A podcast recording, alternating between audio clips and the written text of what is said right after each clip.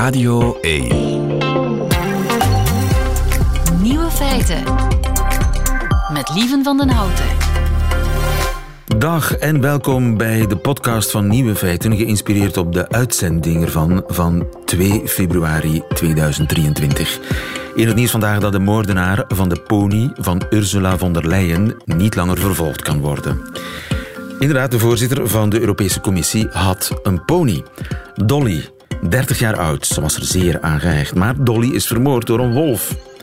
Niet de eerste pony die door diezelfde wolf werd afgemaakt. Daarom bestempelde de rechter hem als probleemwolf en verloor hij zijn bescherming.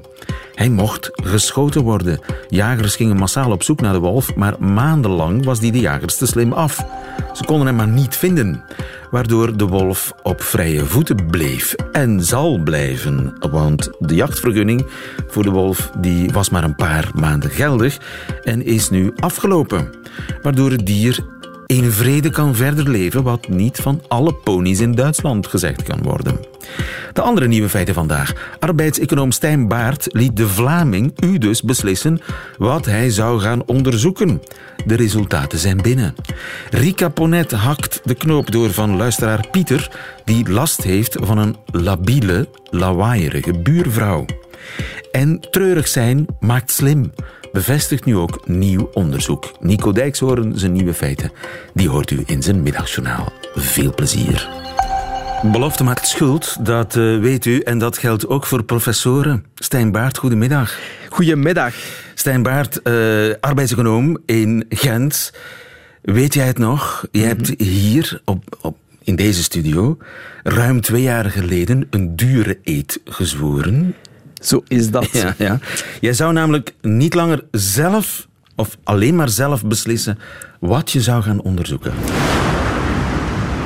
We willen nu de rollen een beetje omkeren. En in feite voor het onderzoek dat we doen en waar we dan onze duiding en ons beleidsadvies op baseren, willen we eigenlijk met de burgers in dialoog gaan wat die belangrijke onderzoeksvragen vindt voor ons om te beantwoorden de komende jaren. Nou, u vraagt wij draaien. Dat, dat was eigenlijk samengevat. Wat moeten wij nu gaan onderzoeken? vroeg Stijn Baart twee jaar geleden. Ja, het klonk nogal plechtstatig, maar uh, inderdaad, we hebben woord gehouden. Terecht. Het is te zeggen, ja, we zijn uh, in, een, in een boek dat vandaag in de boekenwinkel uh, ligt, in conflict gaan met je baas en andere maatregelen om je loopbaan in eigen handen te nemen, zijn we vooral in wat al wetenschappelijk geweten is, op zoek gegaan naar de antwoorden die, van, van de, Vlaming, die de Vlaming wil, wil kennen. Want aan, aan die oproep twee jaar geleden bij jullie hebben we dan de vraag gesteld, ja, wat wil u exact weten? En daar hebben toen 3000 Vlamingen 3000? op gereageerd. Ja, zeker. U mag de impact van uw programma niet, uh, niet onderschatten. Uh, en we zijn daarmee aan de slag gegaan. En wat wilden ze zoal weten? Wat waren de belangrijkste vragen? Goh, het ging vaak over lonen, over minder werken. Wat is dat uh, voor je welzijn en voor je loon? Maar wat bijvoorbeeld ook heel sterk naar voren kwam en ons toch een beetje verraste, was pesten op het werk. Uh, hoe zit het daarmee? Wat kan ik daar aan doen? Waar kan ik terecht? is dit wat ik, wat ik tegenkom? Is dit nu pesten of niet? Dus daar hebben we ook een van onze twintig hoofdstukken waarin we de lezer gidsen op basis van de wetenschap. Ja, dat gaat, een van die hoofdstukken gaat over pesten. En wat blijkt er uit dat hoofdstuk over pesten? Ja, dus, dus in dat hoofdstuk staat een, een, een test, een stappenplan voor mensen, maar ook inderdaad weetjes uit de wetenschap. En dan zien we bijvoorbeeld dat uh, België het niet zo goed doet, dat uh, 7% van de werknemers zich het afgelopen jaar gepest voelden. En dat betekent niet één keer geplaagd worden, maar dat is een langere periode en, en, en, en zwaardere vormen. En we zien dat mannen dat die vrouwen en mannen pesten, vrouwen wanneer zij aan het pesten gaan, die pesten enkel vrouwen. En dan nog misschien nog één ding, door de, de online mogelijkheden die er nu zijn om aan het pest te gaan, worden ook meer en meer leidinggevende gepest, omdat het anoniem kan, uh, wat vroeger niet mogelijk was. En, en de rollen kunnen nu wel een beetje omgedraaid worden. Dus dat hebben we zo een beetje bij elkaar gezocht vanuit wetenschappelijk onderzoek. De baas is ook mm -hmm. slachtoffer van grensoverschrijdend gedrag. Ja. ja. het kan van achter de laptop, het kan zonder je naam te moeten prijsgeven. En dan is het natuurlijk een stuk sneller gebeurd. Dat staat dus allemaal in dat mm nieuwe boek. Het is een boek voor het brede publiek. Het is niet voor wetenschappers. Het is, het is bedoeld voor de mensen die oorspronkelijk de vraag hebben gesteld. Exact. Hè? Die, die 3000 mensen die vragen hebben ingestuurd en vele anderen die, die vermoedelijk met dezelfde vragen zitten. Uh, voor alle Vlamingen denk ik ook die uh, een beetje het gevoel hebben dat ze van de ene deadline naar de andere aan het hollen zijn. Die soms zich wel eens de vraag stellen of dit het nu is dat hen op het einde van hun carrière tevreden zal stemmen, waar ze tevreden naar terugblikken. Ja. Is dit een boek dat over, over 20 thema's lonen, promotie maken, selecteren, omgaan met pesten, conflicten, digitaal welzijn en zo verder, ja. die keuzes vanuit de wetenschap schraagt. Want het boek heet In conflict gaan mm -hmm. met je baas. Is het eigenlijk een soort gids om ruzie te maken met je baas? Wel, wij hadden als, als auteurs het meer professorale alles over werk in gedachten als, als titel. Maar de uitgever die, die zag natuurlijk liever iets concreets dat een beetje klettert. En inderdaad, er is een hoofdstuk over conflicten waarin dat je kunt testen wat jouw stijl is en wat jouw valkuilen dan zijn. En dan zien we dat een klassieke valkuil is dat mensen conflicten vermijden op de werkvloer. Ze denken dat dat professioneel is, maar eigenlijk geeft onderzoek aan dat dat uh, een, een, garantie is het vermijden van conflicten naar lagere motivatie, naar minder creativiteit. Uh, dus dat het beter is om op, een, uh, om op het juiste moment de conflicten aan de oppervlakte te laten Juist. komen, ook naar de baas toe. Het is zoals in een huwelijk, hè? je moet mm -hmm. ruzie kunnen maken. Ja, het heeft net mijn voorbereiding niet gehaald, maar zo is het. En Stijn, online vergaderen, video vergaderen. Daar veel vragen over neem ik aan ook. Want dat is iets van de laatste ja, twee, drie jaar, hè, sinds ja, corona. Exact. Twee jaar geleden, toen, we, toen dat we de oproep bij jullie lanceerden, uh, zaten we in die coronaperiode meer en meer online vergaderingen. En ja, ook daar kunnen we iets heel concreets zeggen. Zelfs iets wat ik nu zelf uh, toepas op basis van het hoofdstuk dat uh, collega Marieke van den Abelen over digitaal welzijn heeft geschreven. En die, die concrete tip is, dus een beetje op zijn lieve van der Houders gezegd, mijt je eigen smoel. Zorg ervoor dat je niet voortdurend in die vergaderingen je eigen beeld ziet. Uh, zet die camera uit of zorg ervoor dat je in het programma je eigen beeld kunt, kunt wegsappen, omdat we weten dat dat ook leidt voor een moe hoofd. op jezelf moeten zien, voortdurend als het ware in een spiegel zitten kijken. Ja, dat is niet zo'n goed idee, blijkt uit onderzoek. En dus een manier om tijdens het werken je digitaal welzijn op peil te houden. Dus videovergaderen zou eigenlijk gewoon telefoonvergaderen moeten worden? Ga, het is niet zo slecht, denk ik, dat je de, de uitdrukkingen van, van de andere kant ziet. Dat je ziet hoe jouw collega's reageren, niet alleen in woorden, maar ook in, in hun maar zelf, zelf het schuifje dicht voilà. doen, natuurlijk. Ja, wel, het is te zeggen, uh, ervoor zorgen dat je, dat je niet, uh, zeker niet in het groot op je eigen gezicht uh, moet ah, dat het zo'n zo klein kadertje wordt. Ja, dat het klein wordt. Of je kunt het in sommige programma's zelfs verbergen, je eigen beeld. Of je kunt, als je zelf niet aan het woord bent, ook gewoon je video uitzetten in elk geval lijkt het een manier om een, een, vermoeid hoofd op het einde van de dag te, te vermijden. Ja, want het is vermoeiend. Mm -hmm. Wat was nu een, een, grote verrassing voor jou? Ga, misschien dat ik geen tijger ben, maar een paard. Pardon? Ja, uh, in het boek staat uh, een, test over hoe dat je graag, omgaat met uh, digitale innovatie, dus veranderingen op het werkvloer die, die te maken hebben met, met technologie. En daar kun je dan een test doen en, en dan blijkt dat ik weliswaar flexibel ben met nieuwe technologie als het, laat ons zeggen, in mijn eigen voordeel is, maar dat ik toch liefst een omgeving heb waar niet al te veel in verandert en dat noemt men dan een paard. en dan wordt aangegeven dat, ja, dat je wat dat betreft best in omgevingen zit die ook veel paardkenmerken hebben. Okay. Maar je hebt ook chameleons, uh, je hebt ook schildpadden. Het had uh, erger gekund. Inderdaad. Met andere woorden. Chameleons, schildpadden. Je zag jezelf eerder als tijger, geef het maar toe. Oh, uh, geen commentaar. maar het werd een paard. Mm -hmm. Wat zou ik zijn, denk je? Ga. Nee, wat zijn tijgers? Wat moet je... Wat moet, Wel, die tijgers zitten niet tussen. Dat is geen optie. Ah, oké. Okay. Maar je mag buiten de categorieën vallen, lieve. Oké. Okay.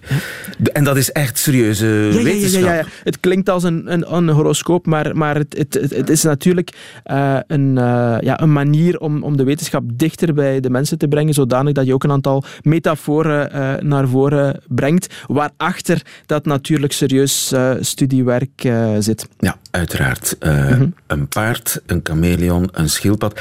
Ik heb horen zeggen dat jij wel eens aan kandidaat-doctoraal onderzoekers de volgende vraag stelt, dan ben je op dat moment eigenlijk een, een baas. Je bent een soort van mhm. potentieel werkgever. Welk personage van, de F, van FC de kampioenen herken je in? Ja, ja ik, ik dacht, tot ik uh, het, het, hoofdstuk van uh, de goede collega Eva de Roes in ons boek las, dat dat een goed idee was. Dat uh, je dan een beetje de, de creativiteit, het mogelijkheden tot anticipatie en zo verder van de kandidaat naar voren bracht. Wat blijkt nu, als je dergelijke vragen stelt, dan, ja, dan leert jou dat niet zo heel veel bij. dan kun je in die heel spontane reactie niet echt veel afleiden van de kandidaat. Het zegt eigenlijk, ja, en nu komt het, het zegt meer over jou als vraagsteller uh, dan over de kandidaat. Uh, dus ik ga dat inderdaad in de toekomst laten voor wat het is. Maar nogthans, het leek mij wel mm -hmm. een goed idee om, ja. om je kandidaat te verrassen en zien of hij ja. creatief of zij op, op haar pootjes blijft staan, of ze echt ook meestapt. Mm -hmm. Maar wat is daar dan mis ja, mee? Ik zou zeggen, mijn gedacht. maar het blijkt dus niet, niet, niet te kloppen, omdat uh, ja, wat doet men in onderzoek? Men kijkt na uh, als bepaalde vragen worden gesteld in selectieprocedures. Leveren die jou informatie op waar je echt uh, iets mee kunt voorspellen, waar je de productiviteit van je kandidaat mee kunt voorspellen? En we zien dat dat met dit soort vragen die de kandidaat overvalt, waar die niet echt heel veel inhoudelijks mee kan, dat, ja, dat jou dat slecht, gekozen, slecht gekozen vraag. Ja, dat het eigenlijk meer plezant is voor ja. jou als vraagsteller dan dan, uh, dan voor degene die die moet beantwoorden. Ja. En dat eigenlijk het antwoord ook een beetje vervliegt, omdat er, omdat er niet iets serieus uh, in de plaats komt. Dus, nee. dus dat, dat, is natuurlijk belangrijk uh, in, in het boek, dat we dingen die mensen denken die, die goed zijn voor hen, dat we die al dan niet bevestigen of ontkrachten. En met welk personage van FC de kampioenen vereenzelvig jij jezelf? Wat denkt u? Carmen. Nee. Nee, nee, nee, in tegendeel. Met meneer Boma. Boma? Ja, ja. Uh, ik dacht, uh, oké, okay, Boma. Dat is eigenlijk ook mijn antwoord, vrees ik. Ah, kijk, voilà, hebt toch een band. Maar, uh, oké, okay, in conflict met je baas en andere manieren om je loopbaan in eigen handen te nemen is een boek met de onderzoeksresultaten op basis van een vraag twee jaar geleden gesteld in Nieuwe Feiten. En overigens, het programma Voorproevers gaat er zaterdag op door. Uh, Annemie Peters gaat uh, twee hoofdstukken dieper en grondiger behandelen. Met uh, Jolien Streemers gaat het over werk zoeken. En met Isabeau van Strijdonk gaat het over feedback geven. Voorproevers dus zaterdag om 12 uur. Stijnbaard, dankjewel. Nog een fijne dag. Dag. Vraag het aan Rika.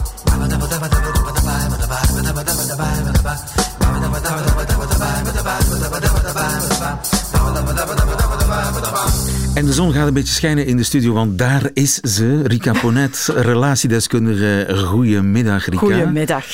Zal ik jou een dilemma voorleggen? Graag. Daarvoor zit ik hier. Hè. Ja. Van Pieter. Pieter schrijft: Door een langdurige periode van ziekte zit ik erg vaak thuis. Ik woon al enkele jaren in een kleine studio in het midden van de stad en heb sinds enkele weken een nieuwe buurvrouw. Een jonge studente met, naar mijn aanvoelen, ernstige emotionele problemen.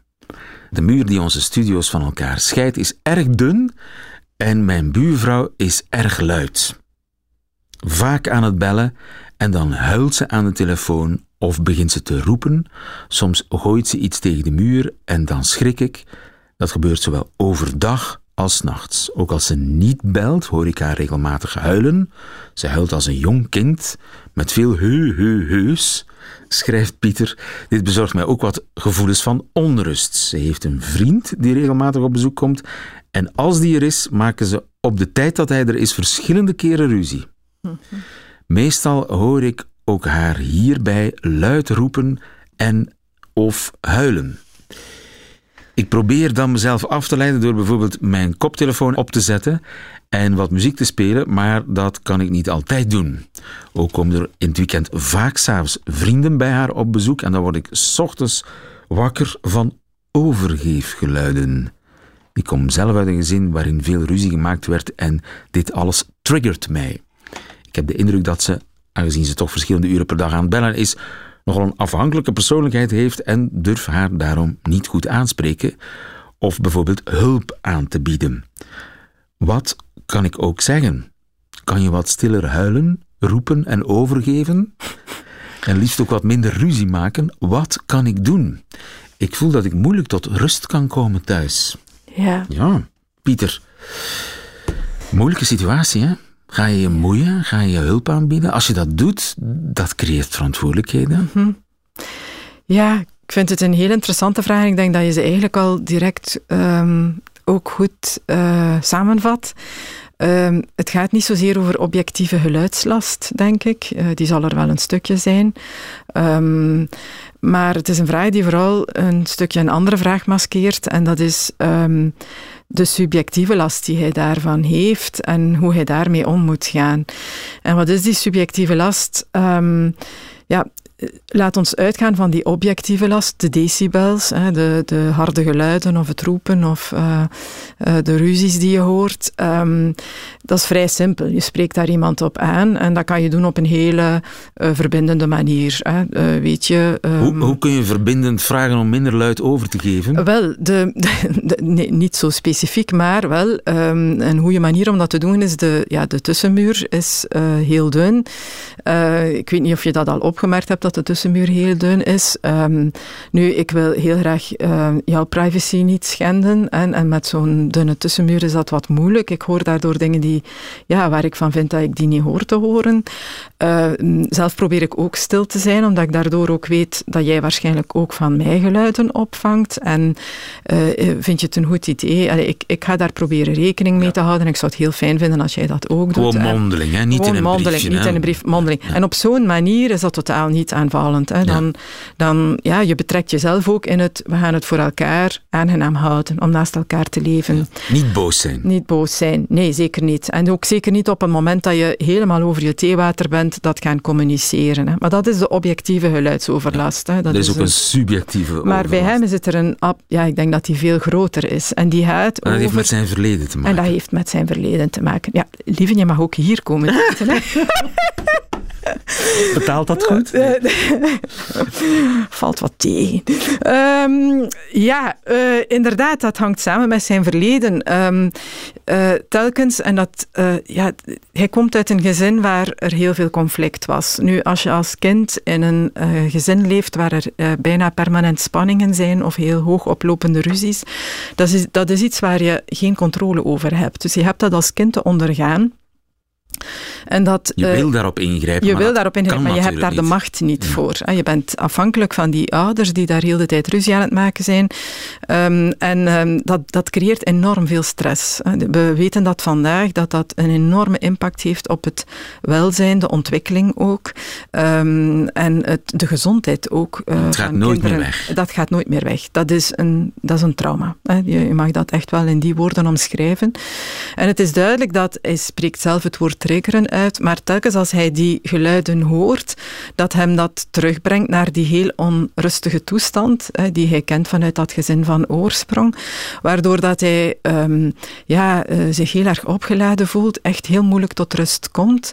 En eh, ook al zit hij daar niet in, maar bij wijze van spreken zich opnieuw terug voelt, alsof dat hij daar thuis in die thuissituatie machteloos moet ondergaan eh, wat daar gebeurt. eh, Maar de- inmiddels is hij volwassen Maar en hij is zou volwassen. hij kunnen ingrijpen en zou hij... Hij heeft schrik. Hè? Hij zegt van, ja, eh, ik denk dat ze nogal afhankelijk is. Hij vult dus al een heel scenario in. Wat zit daaronder? Als ik haar aanspreek en dat komt ter sprake, eh, wie weet eh, word ik daar helemaal mee belast. En ik maak voor mezelf de inschatting dat dit eigenlijk niet aan kan. Wat ik ook een heel correcte inschatting vind. Als je van jezelf weet van, ik ben al zo belast vanuit mijn eigen verleden. Iemand anders zijn problemen erbij nemen, dat is voor mij moeilijk. Maar hij, ehm, ja, hij, maakt er een veel negatiever scenario van dan dat het eh, hoeft te zijn. Ik denk haar aanspreken en ook durven benoemen van, ja, ik hoor ook dat je het niet zo makkelijk hebt. Het, het is uiteindelijk ook een student. Ik vermoed dat ze een stuk jonger is dan dat hij is. Ik hoor ook dat je, het, dat, je het, dat je het wel moeilijk hebt. Ehm, ja, als je iets nodig hebt of ik kan je ergens bij helpen, je mag altijd bij mij aankloppen. Nu kan je denken van, bon, dan staat ze daar altijd. In de praktijk is dat meestal niet zo. Het enige wat je op dat moment doet, is wel een vorm van connectie tot stand brengen met je buur. Hè. Want als je wil dat ehm, mensen met elkaar rekening houden, dan moet daar ook een goede basis voor zijn. En wanneer houden mensen met elkaar rekening? Dat is, als ze elkaar uh, tof vinden. Als ze elkaar op de een of andere manier belangrijk genoeg vinden om rekening mee te houden. En een buur die jou de hand reikt, um, dat wil daarom niet zeggen dat die vrouw elke avond aan zijn deur staat, want die connectie is er niet. Kun je niet met haar uh, contact zoeken? Want ze is studenten. De meeste universiteiten hebben toch een of andere diensten, diensten ja. studentenwelzijn, voilà. psychologen. Daar, daar wou ik een stukje naartoe. Hij heeft vandaag wel de macht om te zeggen ik bied jou mijn hulp aan. Als jij met een hulpvraag komt, dan ga ik wat binnen mijn mogelijkheden ligt ook doen voor jou, maar ik ben ook in staat om mijn grens aan te geven. Stel dat ze te vaak aan je deur staat of je hebt het gevoel dit overstijgt mijn mogelijkheden, kan je altijd zeggen, kijk, ik wil jou helpen om ergens contact mee op te nemen en daar naartoe te gaan, want dit overstijgt mijn mogelijkheden. En, um, en, maar de basis om dan ja, ook rekening te houden met elkaar, heeft hij op dat moment wel gelegd. Ja, en zo zou hij eigenlijk twee problemen in, in één, één keer, keer oplossen. Ja. oplossen. Bovendien ben ik ervan overtuigd dat als hij dat doet, dat hem dat ook een goed gevoel geeft. Ik denk dat hij dat ook kan gebruiken. Dat het eigenlijk een soort uh, reenactment Hersta bijna is, ja. een soort, een soort uh, herbeleving van dat trauma. Uh, en een stuk een herstelervaring kan zijn van um, als kind had ik niet de mogelijkheid om aan dit soort van conflicten iets te doen.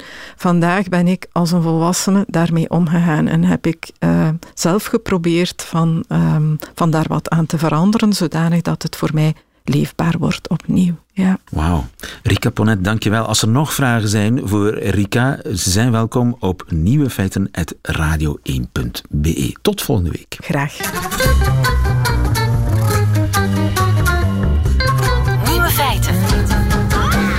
Bent u een beetje depri vandaag? Dat spijt me dan heel erg, maar het heeft ook positieve kanten. Want droevig zijn, dat maakt slim. Peter Hagoort, goedemiddag. Goedemiddag. Hoogleraar neurowetenschappen in Nijmegen. U heeft samen met Amerikaanse collega's onderzocht hoe stemmingen invloed hebben op ons denkvermogen. Zeker. En daarbij hebben we vooral gekeken hoe wij uh, taal um, op een andere manier begrijpen wanneer we in een uh, enigszins gedeprimeerde stemming zijn, in vergelijking met wanneer we vrolijk door het leven gaan. En wat blijkt uit dat onderzoek? Nou, dat blijkt dat um, als je enigszins gedeprimeerd bent, en hoe hebben we dat gedaan? We hebben mensen eerst laten kijken naar uh, clips uit Sophie's Choice, een film die nogal uh, emotioneel aangrijpend is, waar je niet echt vrolijk van wordt. Als je dan dat eerst gezien hebt en je gaat dan naar talige uitingen luisteren, zoals we die hebben, of kijken, lezen, zoals we die hebben aangeboden, dan blijkt je um, die betrouwbaarder te verwerken dan wanneer je niet op, uh, in die stemming gebracht bent. Dus je bent eigenlijk uh, meer geneigd om serieus te kijken of te lezen wat je voor je krijgt, dan wanneer je in een uh, minder negatieve stemming bent Juist, gebracht. Dus uh, wie alert moet zijn, een kritische zin uh, moet behouden, die kan maar beter niet al te vrolijk en niet al te blij zijn. Voor, als je betrouwbaarheid wil hebben ten aanzien van wat je leest of wat je hoort, dan is dat inderdaad de juiste conclusie. Natuurlijk, dat wil niet zeggen dat het in algemene zin uh, aan te bevelen valt om altijd in een gedeprimeerde stemming rond te lopen. Maar we weten ook uh, uit ander onderzoek dat mensen die enigszins depressief zijn vaker een betere inschatting hebben over hun eigen kwaliteiten en over uh, de informatie die ze binnenkrijgen dan mensen die vrolijk en optimistisch door het leven gaan. Die schatten zichzelf uh, vaker wat hoger in en hebben iets minder realiteitsgehalte dan mensen die wat meer gedeprimeerd zijn. En dat hebben we hier in eigenlijk onderzocht door het aanbrengen van een stemmingswisseling met behulp van filmclips die de mensen eerst te zien kregen. Dus het klopt wel met eerdere bevindingen, dus we kunnen daar ja, stilaan van uitgaan dat het ook echt klopt, dat het zeker is, dat het wetenschappelijk bevestigd is, dat kritische zin, dat dat enige, ja, ik kan niet zeggen, hoe, hoe, hoe zeg je dat, depressiviteit is, een, is een zwaar woord, maar, ja, natuurlijk. We hebben in dit geval, dit waren, geen, dit waren geen depressieve mensen die in ons onderzoek deelnamen. Die waren niet gediagnosticeerd als mensen die leden aan depressie. Maar we brachten ze in een uh, wat, de, uh, nou ja, wat, wat dep gedeprimeerde stemming. Doordat ze eerst moesten kijken naar films, filmclips die nou niet echt optimistisch waren. En als je dan eenmaal in zo'n stemming bent, dan uh, heb je ben je wat meer alert op de informatie die binnenkomt. Uh, en wat minder geneigd om daar overheen te, te kijken of overheen te lezen of overheen te wandelen. Ja, het is eigenlijk de roze bril. Hè? Je kan, dat is, het is eigenlijk de bestaande volkswijsheid die wetenschappelijk bevestigd wordt. Dat je het leven niet door een roze bril mag zien. Ja, en ook natuurlijk de manier waarop wij met taal omgaan. Want wij doen onderzoek met name naar hoe mensen taal verwerken. En daarbij kun je ook laten zien dat de manier waarop je de krant leest of uh, andere talige uitingen tot je neemt, dat dat mede beïnvloed wordt door de stemming waarin je verkeert. En, en dat de informatie die je opneemt uh, soms uh, wat nauwkeuriger is dan in het geval waarin je een roze bril hebt. Dan heb je vaker de neiging om datgene wat je verwacht, om dat ook aan te treffen. Terwijl die verwachting misschien dan te veel positieve kleuring geeft aan datgene wat je leest of wat je hoort. Peter Hagoort, dankjewel. Nog een fijne dag verder. U ook. Tot ziens. Nieuwe feiten. Radio 1. En dat waren ze meteen, de nieuwe feiten van 2 februari 2023, behalve die van Nico Dijkshoorn. Die krijgt u nu in zijn middagjournaal. Nieuwe feiten. Middagjournaal.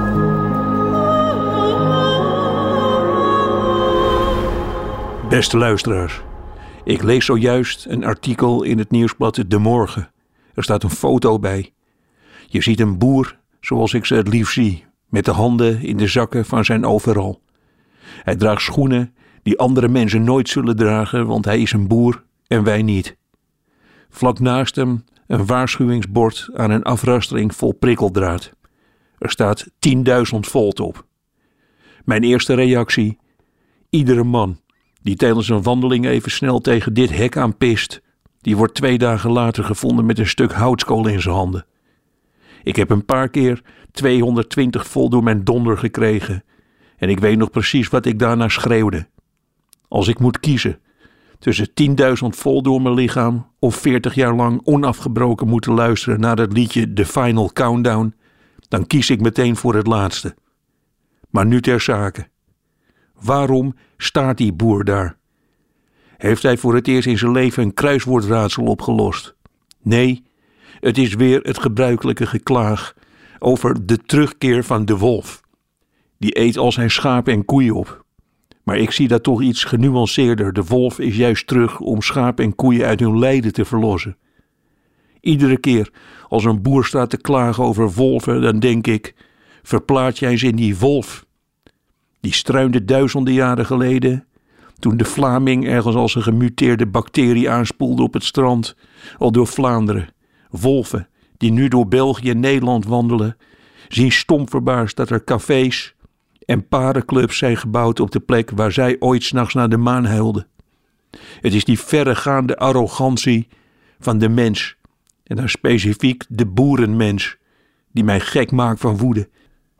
Ergens een paar schamele duizenden jaren wonen, de atoombom uitvinden, de poolkappen laten smelten en dan met je boerenkop, die nooit verder kijkt dan zijn bankrekening groot is, gaan staan zeuren dat dieren zich als dieren gedragen. Als jij ze tenminste niet al hebt afgeslacht, of als jij de boers al niet met duizenden boven op elkaar hebt gezet in slecht gemeubileerde slachthuizen. Luisteraars, het zal inmiddels wel duidelijk zijn. Ik ben voor de wolf. Hij was er het eerst. Wij zijn slechts hotelgasten op zijn land. Ik verlang intens naar de eerste wolf in mijn woonwijk, snuffelend aan zijn moderne bakfiets, of huilend naar de foeilelijke straatverlichting. We kunnen wel wat oerdrift gebruiken tussen het televisiekijken door.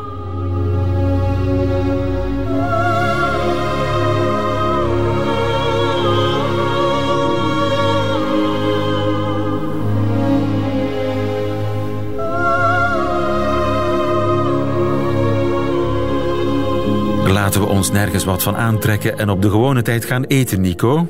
Einde van deze podcast van Nieuwe Feiten. Hoort u liever de volledige uitzending met de muziek erbij? Dat kan natuurlijk elke werkdag tussen 12 en 1 op Radio 1 of on demand via de Radio 1 website of app. Tot een volgende keer.